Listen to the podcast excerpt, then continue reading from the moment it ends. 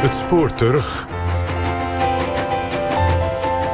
Ja, met vandaag het vierde deel van Beeldenstormen. Een serie podcast gemaakt voor het Vlaamse Radio Clara door Sarah de Broei. Vandaag gaan we in tijd naar de 18e eeuw, naar de Franse Revolutie. Ook die kende een grootschalige beeldenstorm. Alles wat aan het Ancien Regime herinnerde, moest eraan geloven.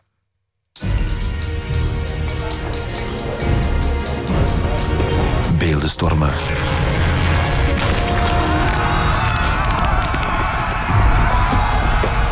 Welkom. Deze beeldenstorm gaat over de Franse Revolutie. Ik zal hier niet ingaan op de bijzonder complexe periode van de revolutie die ongeveer tien jaar duurde, die symbolisch begon met de bestorming van de Bastille op 14 juli 1789 en pas eindigde toen Napoleon in 1799 de macht greep. Maar ik wil het natuurlijk wel hebben over de beeldenstorm die de revolutionairen aanrichtten in Frankrijk, maar ook hier bij ons, in de zuidelijke Nederlanden. Brecht de Zeuren is historicus en doet onderzoek naar de impact van de Franse Revolutie in de zuidelijke Nederlanden. En hij vertelde me hoe de zuidelijke Nederlanden in handen vielen van de Fransen.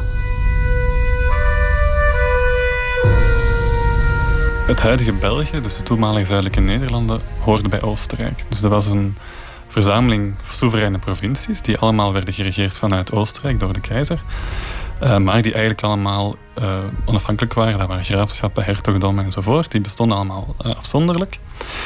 Um, en die um, worden zeg maar, het slachtoffer van de geschiedenis wanneer dat, um, de Franse Revolutie uitbreekt en Frankrijk in oorlog komt met Oostenrijk. Er breekt een geweldige revolutie uit die haak staat op alles wat op dat moment in Europa de gevestigde macht uitmaakt. Uh, je hebt een revolutie die het ancien regime helemaal verwerpt, die tegen het koningschap is, die de kerk uh, onderdrukt, die de adeldom afschaft. Dus alles waar het ancien regime op gebouwd is op dat moment komt onder druk te staan. Dus het duurt niet lang voor Frankrijk in oorlog komt met ongeveer al zijn buurlanden. En op dat moment um, wordt die strijd militair. Uh, en die wordt natuurlijk heel snel uitgevochten in de Zuidelijke Nederlanden. Want de Zuidelijke Nederlanden zijn een Oostenrijks bezit dat vlak bij Frankrijk ligt, aan de grens. En dat is een heel evident uh, slagveld is, zeg maar, waarbij de Fransen het offensief nemen en de Zuidelijke Nederlanden binnenvallen. Dat gebeurt een um, eerste keer in 1792. Die blijven maar een half jaar. Maar in 1794 zijn ze terug. En dan blijven ze definitief tot 1814 ongeveer. Dus we hebben 20 jaar Frans bewind. Die eerste, allereerste periode, tussen 1794 en 1795, is heel hard, omdat het een echte bezettingsperiode is. Op dat moment worden de Nederlanden militair bezet. Dat betekent dat de bevolking geen rechten heeft. Frankrijk uh, gebruikt de Nederlanden, de zuidelijke Nederlanden op dat moment, uh, om de kosten die ze zelf hebben gemaakt in die oorlog om die terug te winnen. Dus wat ze dan gaan doen, is het land systematisch plunderen. Ze doen dat door enorme schattingen op te leggen aan de steden, aan de adel, aan de kerk. Maar ze doen dat ook door systematisch kunstvoorwerpen, kunstwerken, wetenschappelijke objecten, uh, boekencollecties, botanische collecties, om al dat soort dingen in beslag te nemen en naar Parijs te voeren.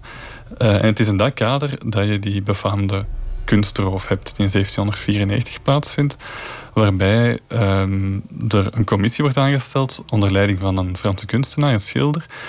Zij gebruiken um, grappig genoeg toeristische reisgids uit de 18e eeuw, waarin heel mooi opgeleid staat in welke kerken welke schilderijen hangen. En ze vertrekken met een geweldige lading uh, Rubensen, Jordaansen, Van Dijken enzovoort, uh, die ze naar Parijs voeren, waar die topstukken zullen worden van het nieuw Nationaal Museum dat in het Louvre wordt gevestigd. Hoe ingrijpend was dat nieuwe Franse regime voor de burgers hier in de zuidelijke Nederlanden? Ik denk dat het moeilijk is om je voor te stellen hoe ontwrichtend het precies was voor de mensen die hier woonden om die revolutie mee te maken. De samenleving van het Ancien regime was een samenleving die al eeuwenlang bestond. Dus mensen in het Ancien regime die ontleenden hun identiteit aan hun lidmaatschap van een bepaalde corporatie. Aan het feit dat ze burger waren van Antwerpen en lid van een beenhouwersgilde bijvoorbeeld en ook nog lid van een broederschap. En daaruit ontleenden zij hun rechten en hun identiteit. Terwijl je dan met de Franse Revolutie een totaal ander samenlevingsmodel krijgt, waarbij er abstracte rechten zijn. Iedereen is gelijk voor de wet. Je hebt een eengemaakte justitie. Uh, dat is een heel ander soort samenleving. En men wist niet meer waar men het had. Alsof plots het verleden plotsklaps was afgebroken en er een nieuwe tijd was begonnen. En men tegen wil en dank van die nieuwe tijd deel moest uitmaken. Alle goede burgers waren vol droefheid over al deze veranderingen en vreesden met reden de ganse ondergang van de oude constitutie. Ja, men was er hooglijk voor beducht dat alle Franse nieuwigheden zouden opgedrongen worden en dat dit alle nadeel zou toebrengen aan onze religie en alle geestelijke en wereldlijke corporaties. dat gevoel van vervreemding dat vind je heel erg terug in eigentijdse bronnen uit die tijd. Heel veel mensen begonnen tijdens die Franse periode dagboeken te schrijven en chronieken bij te houden, omdat wat ze meemaakten zodanig ongezien was. En een heel interessante bron op dat vlak is die van Jan-Baptist van der Stralen, een inwoner van Antwerpen uit die periode. Een lid van de elites, een heel goed milieu opgevoed. Hij was een heel erg aanhanger van het ancien regime, hij was heel gelovig. Hij was een groot aanhanger van de oude rechten die je had uh, in die ancien regime samenleving. En hij was een groot liefhebber van lokale geschiedenis. En vooral dat laatste zorgde ervoor dat de Franse revolutie voor hem een ramp was. Omdat de revolutie een aanslag betekende op het eh, bouwkundig en artistiek erfgoed dat er bestond in de zuidelijke Nederlanden. Er werd enorm veel afgebroken. Gebouwen wisselden van eigenaars. Kerken werden gesloten en afgebroken. Heel veel kunst werd weggevoerd naar Frankrijk. Um, waardoor voor zo'n zo'n zo'n oudheidkundige en zo'n liefhebber van antiquiteiten zoals Van der Stralen die hele stad voor zijn ogen veranderde en dat hele historische erfgoed verdween. En de grootste ramp voor hem was zonder twijfel de uitverkoop van de Onze Lieve Vrouw-kathedraal van Antwerpen. Ja, deze schone tempel, de parel van ons Nederland, die zo rijkelijk versierd is met kostbare en kunstige altaren, beelden, schilderijen, ornamenten, zilver enzovoort, is nu helaas onherkenbaar. Uh, die kathedraal was natuurlijk het topstuk van de stad. Dat is de belangrijkste kerk. Die, er waren meer dan 40 altaren, enorm veel kunstwerken. En Van der Stralen, die niet alleen heel gelovig was, maar ook een liefhebber van, van kunst, die kende dat gebouw door en door. Die kende al de kunstwerken die daar stonden. Die, uh, daar waren schilderijen van Rubens, van Dijk, daar waren hele mooie beeldhouwwerken uh, die hij allemaal goed kende.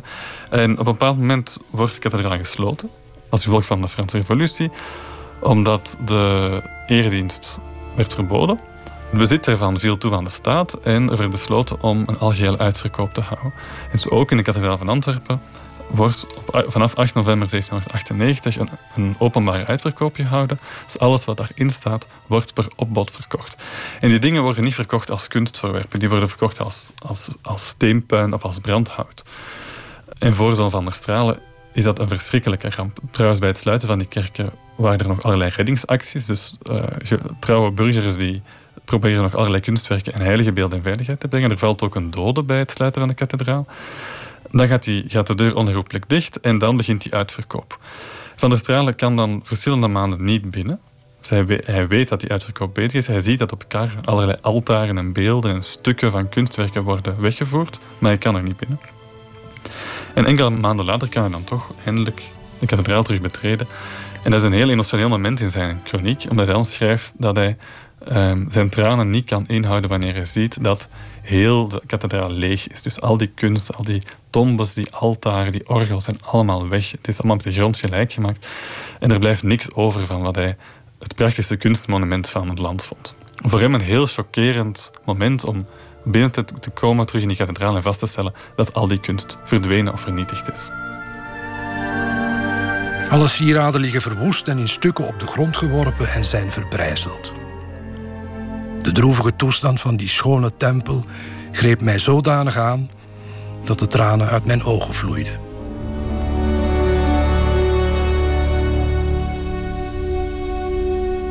Dus enerzijds waren die gebeurtenissen van de Franse Revolutie heel chockerend voor de mensen. Het was iets wat ze nog nooit hadden meegemaakt. Dus de hele bestaande orde werd onderuit gehaald. Anderzijds uh, schrijft Van der Stralen in zijn chroniek toch ook um, dat het al eerder was gebeurd. Want hij maakt heel regelmatig de vergelijking met de beeldenstorm, de echte beeldenstorm, die van 1566. Al heel vroeg begint hij het woord beeldenstorm te gebruiken in zijn tekst om aan te duiden um, wat er aan het gebeuren is. Dan zegt hij bijvoorbeeld over de, het tribunaal crimineel dat is opgericht in Antwerpen. Dat is een tijdelijke, um, een tijdelijke rechtbank die, tijdens de bezettingsperiode die redelijk veel doodvonnissen uitspreekt. Dan zegt hij ja, het is alsof er een tweede bloedraad is opgericht. Naar de bloedraad van de hertog van Alva. Het schijnt alsof de rampen en ongelukkige tijden van de 16e eeuw wederom tevoorschijn kwamen. En omdat men de vervolgingen, evenals in die droevige en ongelukkige tijden, tegenwoordig wederom ziet plaats hebben, tot onuitsprekelijke droefheid van alle welpijnzende en katholieke inwoners, heb ik er gewag van gemaakt. Jan Baptiste van der Stralen was geschokt door wat de Fransen aanrichtten in Antwerpen. In Frankrijk zelf begon de beeldenstorm vanaf het jaar 1792. Op 10 augustus werd het paleis van de Tuileries bestormd, waar koning Lodewijk XVI toen gedwongen resideerde. En na deze bestorming werd de Nationale Vergadering opgericht, die meteen de monarchie afschafte. En enkele maanden later rolde de kop van de koning al onder de guillotine. Jaar 1 van de republikeinse kalender ging in en de meest bloedige en gewelddadige periode van de revolutie begon onder het schrikbewind van Robespierre. En de revolutionairen zongen hun deuntje. Ça ira, ça ira. Les aristocrates à la lanterne, les aristocrates en les pendra. Maar er kwam verzet tegen het geweld. Ook tegen de vernielingen van kunstwerken. Het is zo dat je op het ritme van de politieke evoluties in Frankrijk tijdens de revolutie een soort beelden, uit, uh, spontane beeldenstormen kregen. Mensen begonnen uh, spontaan de symbolen van het ancien regime te vernietigen. Bijvoorbeeld op het moment dat uh, de monarchie wordt afgeschaft, begint men overal portretten van de koning te verbranden, kronen te verwijderen, allerlei symbolen van de monarchie te verwijderen enzovoort. In Parijs gaat het volk de straat op en vernietigt de standbeelden van de Franse koning die daar op, op straten en pleinen stonden uh, slaan die in stukken uh, als symbool voor het beëindigen van de monarchie. En de Franse Nationale Vergadering keurt dat ook goed. Het wordt toegelaten om symbolen van het ancien regime te vernietigen. Daar komen zelfs wetten op. Het wordt verplicht om de symbolen van despotisme, zoals zij het noemen, en de feodaliteit, om die te vernietigen. Alleen, gaandeweg begint men in te zien dat daarbij ook heel veel belangrijke kunstwerken sneuvelen. Want natuurlijk, die beelden en die portretten en die reliefs die waren vaak gerealiseerd door de grootste kunstenaars van hun tijd. En daar begint dan toch ook een bewustwording uh, op te treden. Um, regelmatig komen er klachten in de Nationale Conventie van uh, ja, dit, dit, kan niet meer, hier wordt, hier wordt belangrijke kunst vernietigd, dat is barbaars. Er gaat geen dag voorbij of het nieuws van alweer nieuwe vernielingen teistert ons. We twijfelen er niet aan dat de Nationale Conventie zich zal haasten om heel Frankrijk haar kreet van verontwaardiging te laten horen. En dat ze de aanstokers van de misdaden onder het zwaard van de wet zal brengen. In 1794 krijg je dan het pleidooi van abbé Henri Grégoire, die een belangrijk lid is van de Nationale Conventie, om te stoppen met uh, het vernietigen van kunstwerken. En hij ligt eigenlijk aan de basis van de erfgoedzorg in Frankrijk. Van het oprichten van musea, van het in veiligheid brengen van kunstwerken. Hij schrijft een beroemd rapport um, waarin hij het heeft over het vandalisme dat plaatsvindt in de revolutie. En vandalisme is op dat moment nog een nieuw woord. Dat had daarvoor nog niet de betekenis die het uh, toen kreeg. Op dat moment um, zegt Grégoire mensen die dat doen, revolutionairen die kunst vernietigen, doelbewust, zijn zoals de Vandalen. Een barbaars volk dat binnenvalt en de beschaving vernietigt. En daar kunnen we helemaal niet voor zijn.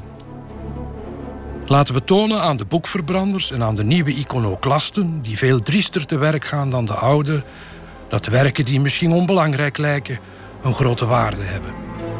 Dus Grégoire die schrijft in zijn rapport over dat woord vandalisme: Je crée le mot pour tuer la chose. Zij vindt dat woord uit om een einde te maken aan die vreselijke praktijk van kunstvernietiging.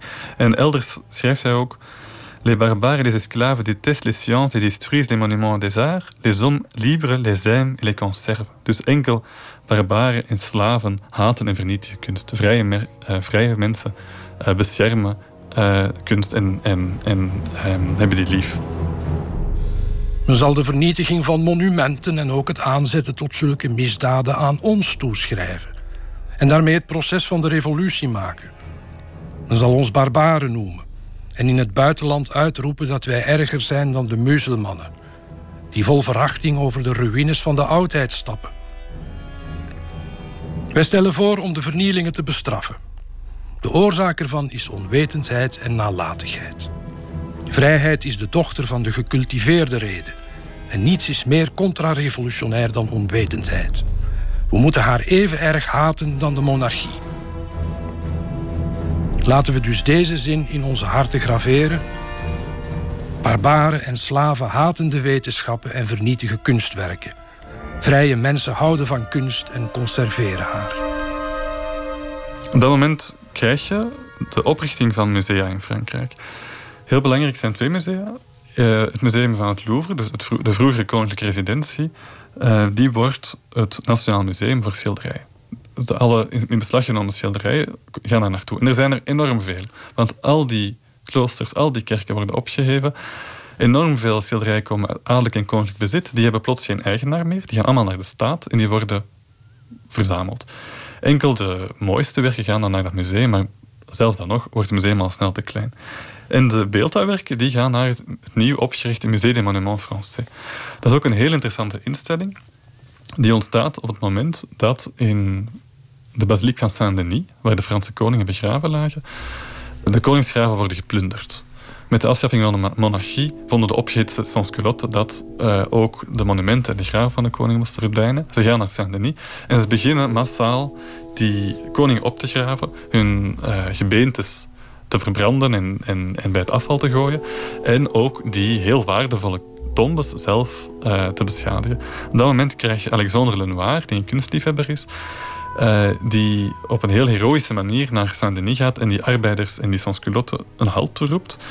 En ervoor pleit om die monumenten te bewaren en in een museum onder te brengen. En dat is de, dan de geboorte van het Musée des Monuments Français, dat in Parijs in een klooster was ondergebracht. En waar je een opeenvolging kreeg van waardevolle beeldhouwwerk en van al die Franse koningsgraven. En dat is een heel belangrijk museum, niet alleen omdat op dat moment voor het eerst een museum voor beeldhouwkunst uh, ontstond, waar kunstwerken die weliswaar ideologisch fout waren, want het ging om koningen, toch in een neutrale omgeving konden worden bewaard en als kunstwerken worden beschouwd en niet als iets politieks. En niet alleen daarom zijn was het museum belangrijk, maar ook omdat heel veel Franse romantici daar hun passie voor het verleden hebben opgedaan. Uh, figuren als Chateaubriand en, Victor Hugo die gingen daar als kind naartoe en die waren heel erg onder de indruk uh, om tussen die historische resten uh, rond te wandelen. En paradoxaal genoeg heeft de afrekening met de, het verleden die de revolutionairen hebben nagestreefd, heeft die geleid tot het ontwaken van het historisch besef bij heel veel Fransen in die periode. Want je krijgt dan die interesse in het nationale verleden, die wordt aangewakkerd door de musea. Je krijgt bescherming van erfgoed, het oprichten van musea. En op die manier wordt de 19e eeuw helemaal klaargemaakt voor die obsessie met het verleden die we, die we gaan krijgen vanaf de romantiek.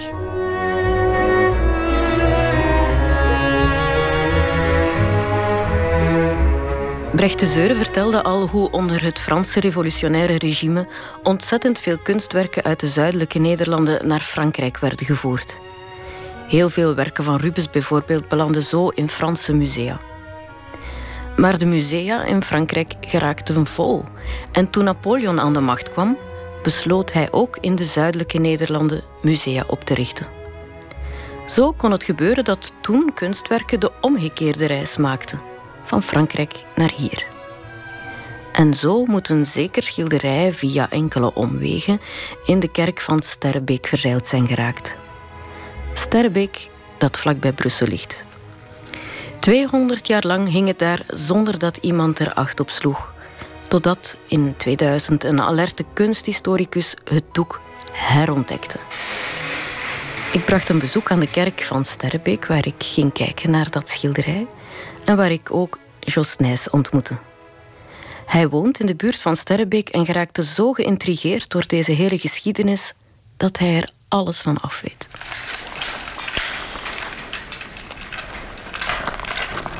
Nu staan we voor een metalen hekken. En dat is ter beveiliging van de kerkschatten die hier aanwezig zijn. In de kerk zelf zijn er uiteraard verschillende kunstwerken, maar het gaat hoofdzakelijk om een topwerk dat beschermd moet worden. En dat is de dood van de Heilige Maagd.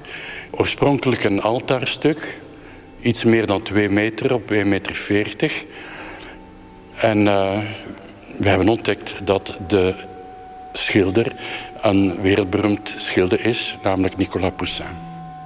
Dat is heel recent, want uh, in het jaar 2000 pas uh, is men, heeft men vastgesteld dat dit doek een buitenlandse uh, oorsprong heeft. En dat het uit Parijs komt, uit de Notre-Dame, kathedraal Notre-Dame. En dat het hier in België is verzeild na een lange geschiedenis die begonnen is met de Franse Revolutie in 1789. Men heeft uh, Nicolas Poussin gevierd in 1994, 400 jaar na zijn geboortedatum. Op dat ogenblik was men echt op zoek naar het schilderij.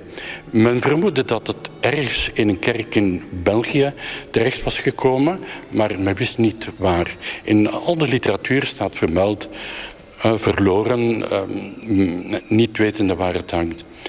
Als we het nu bekijken, zien we prachtige kleuren. Uh, de kleuren hebben diepgang. Het straalt. Het is driedimensioneel geworden. Terwijl voor de restauratie was dat absoluut niet het geval. Het leek een doorsnee schilderij, zoals er in vele parochiekerken hangen. Men is hier 200 jaar voorbij gekomen, zonder uh, speciaal het op te merken. Tot op het ogenblik dat een uh, werkleider van het Koninklijk Instituut van het Kunstpatrimonium, de heer Kairis, in de bibliotheek van het Kunstpatrimonium heel toevallig uh, tot de ontdekking is gekomen dat men dit schilderij heeft gefotografeerd. Het zat tussen de 800.000 uh, foto's van kerkelijk erfgoed.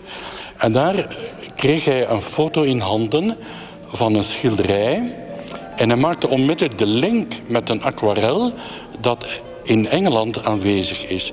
En waarvan men pertinent wist dat het een voorontwerp was, gemaakt door Poussin zelf.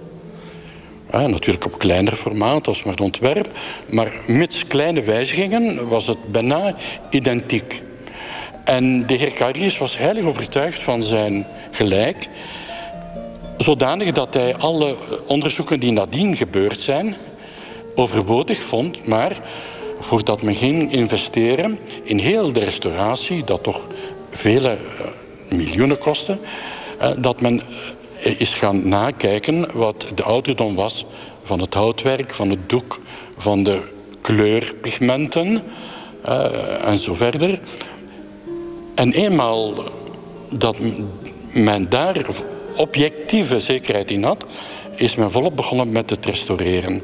Wat een huzarenwerk geweest is, wat iemand met, met watjes, oorwatjes, al de vuiligheid, alle overschilderingen, alle vernis heeft moeten wegdoen. En wat tevoorschijn komt, was iets buitengewoon. De mensen in het Koninklijk Instituut van het Kunstpatrimonium waren enthousiast over de kwaliteit van dat werk. En het verschil tussen voor en na de restauratie was indrukwekkend.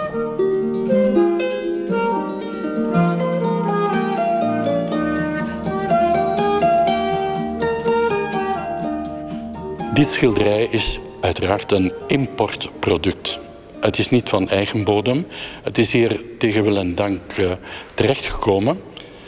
Ik weet niet of dat Poussin gelukkig is, maar uh, het is de enige Poussin in heel België.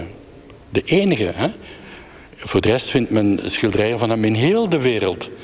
Je hoeft maar naar Engeland te gaan, naar Ierland, naar Schotland. Eh, alle Amerikaanse staten hebben praktisch Poussin. Maar het is het enige schilderij dat we van hem uh, hebben. Ja. We hebben veel miserie gekend door de Franse revolutie, want de Fransen hebben werkelijk Brussel kapot gemaakt. Hè. Ze hebben het in brand gestoken. Maar een van de positieve klanken is dat wij dit schilderij in ruil voor veel Rubensen, Van Dijken en, en zo verder, hebben dit toch als kleine compensatie in ons bezit gekregen. In Parijs zijn ze uiteraard enorm jaloers op dit schilderij. Ze zouden het graag hebben, uiteraard. Maar het bedrag kunnen ze echt niet ophoesten. Daarvoor vinden ze zelfs niet de nodige sponsors.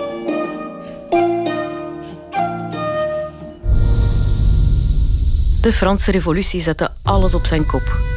Maar de kerk in Sterrebeek hield er toch maar mooi een prachtig schilderij van Nicolas Poussin aan over. U hoorde Jos Nijs daar met veel plezier over vertellen. U hoorde daarvoor ook historicus Brecht de Zeuren over de beeldenstorm van de Franse Revolutie en hoe die, paradoxaal genoeg, zorgde voor een groeiend bewustzijn rond cultureel erfgoed en de oprichting van musea.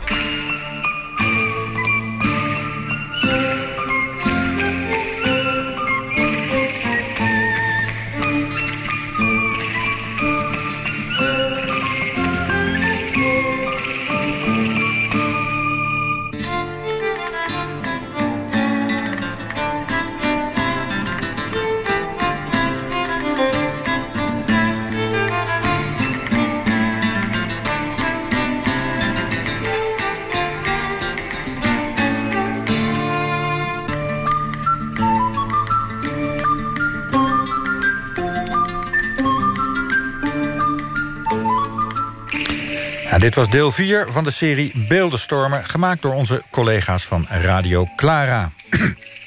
Volgende week het vijfde deel. En in dat geval gaat het over een beeldenstorm van slechts één enkele persoon. De suffragette Mary Richardson. Zij drong in 1914 in Londen de National Gallery binnen... met een slagersmes en doorkliefde daar portretten van vrouwelijk naakt. En deze serie is ook als podcast te beluisteren. Ga dan naar clara.be slash beeldenstorm. Hiermee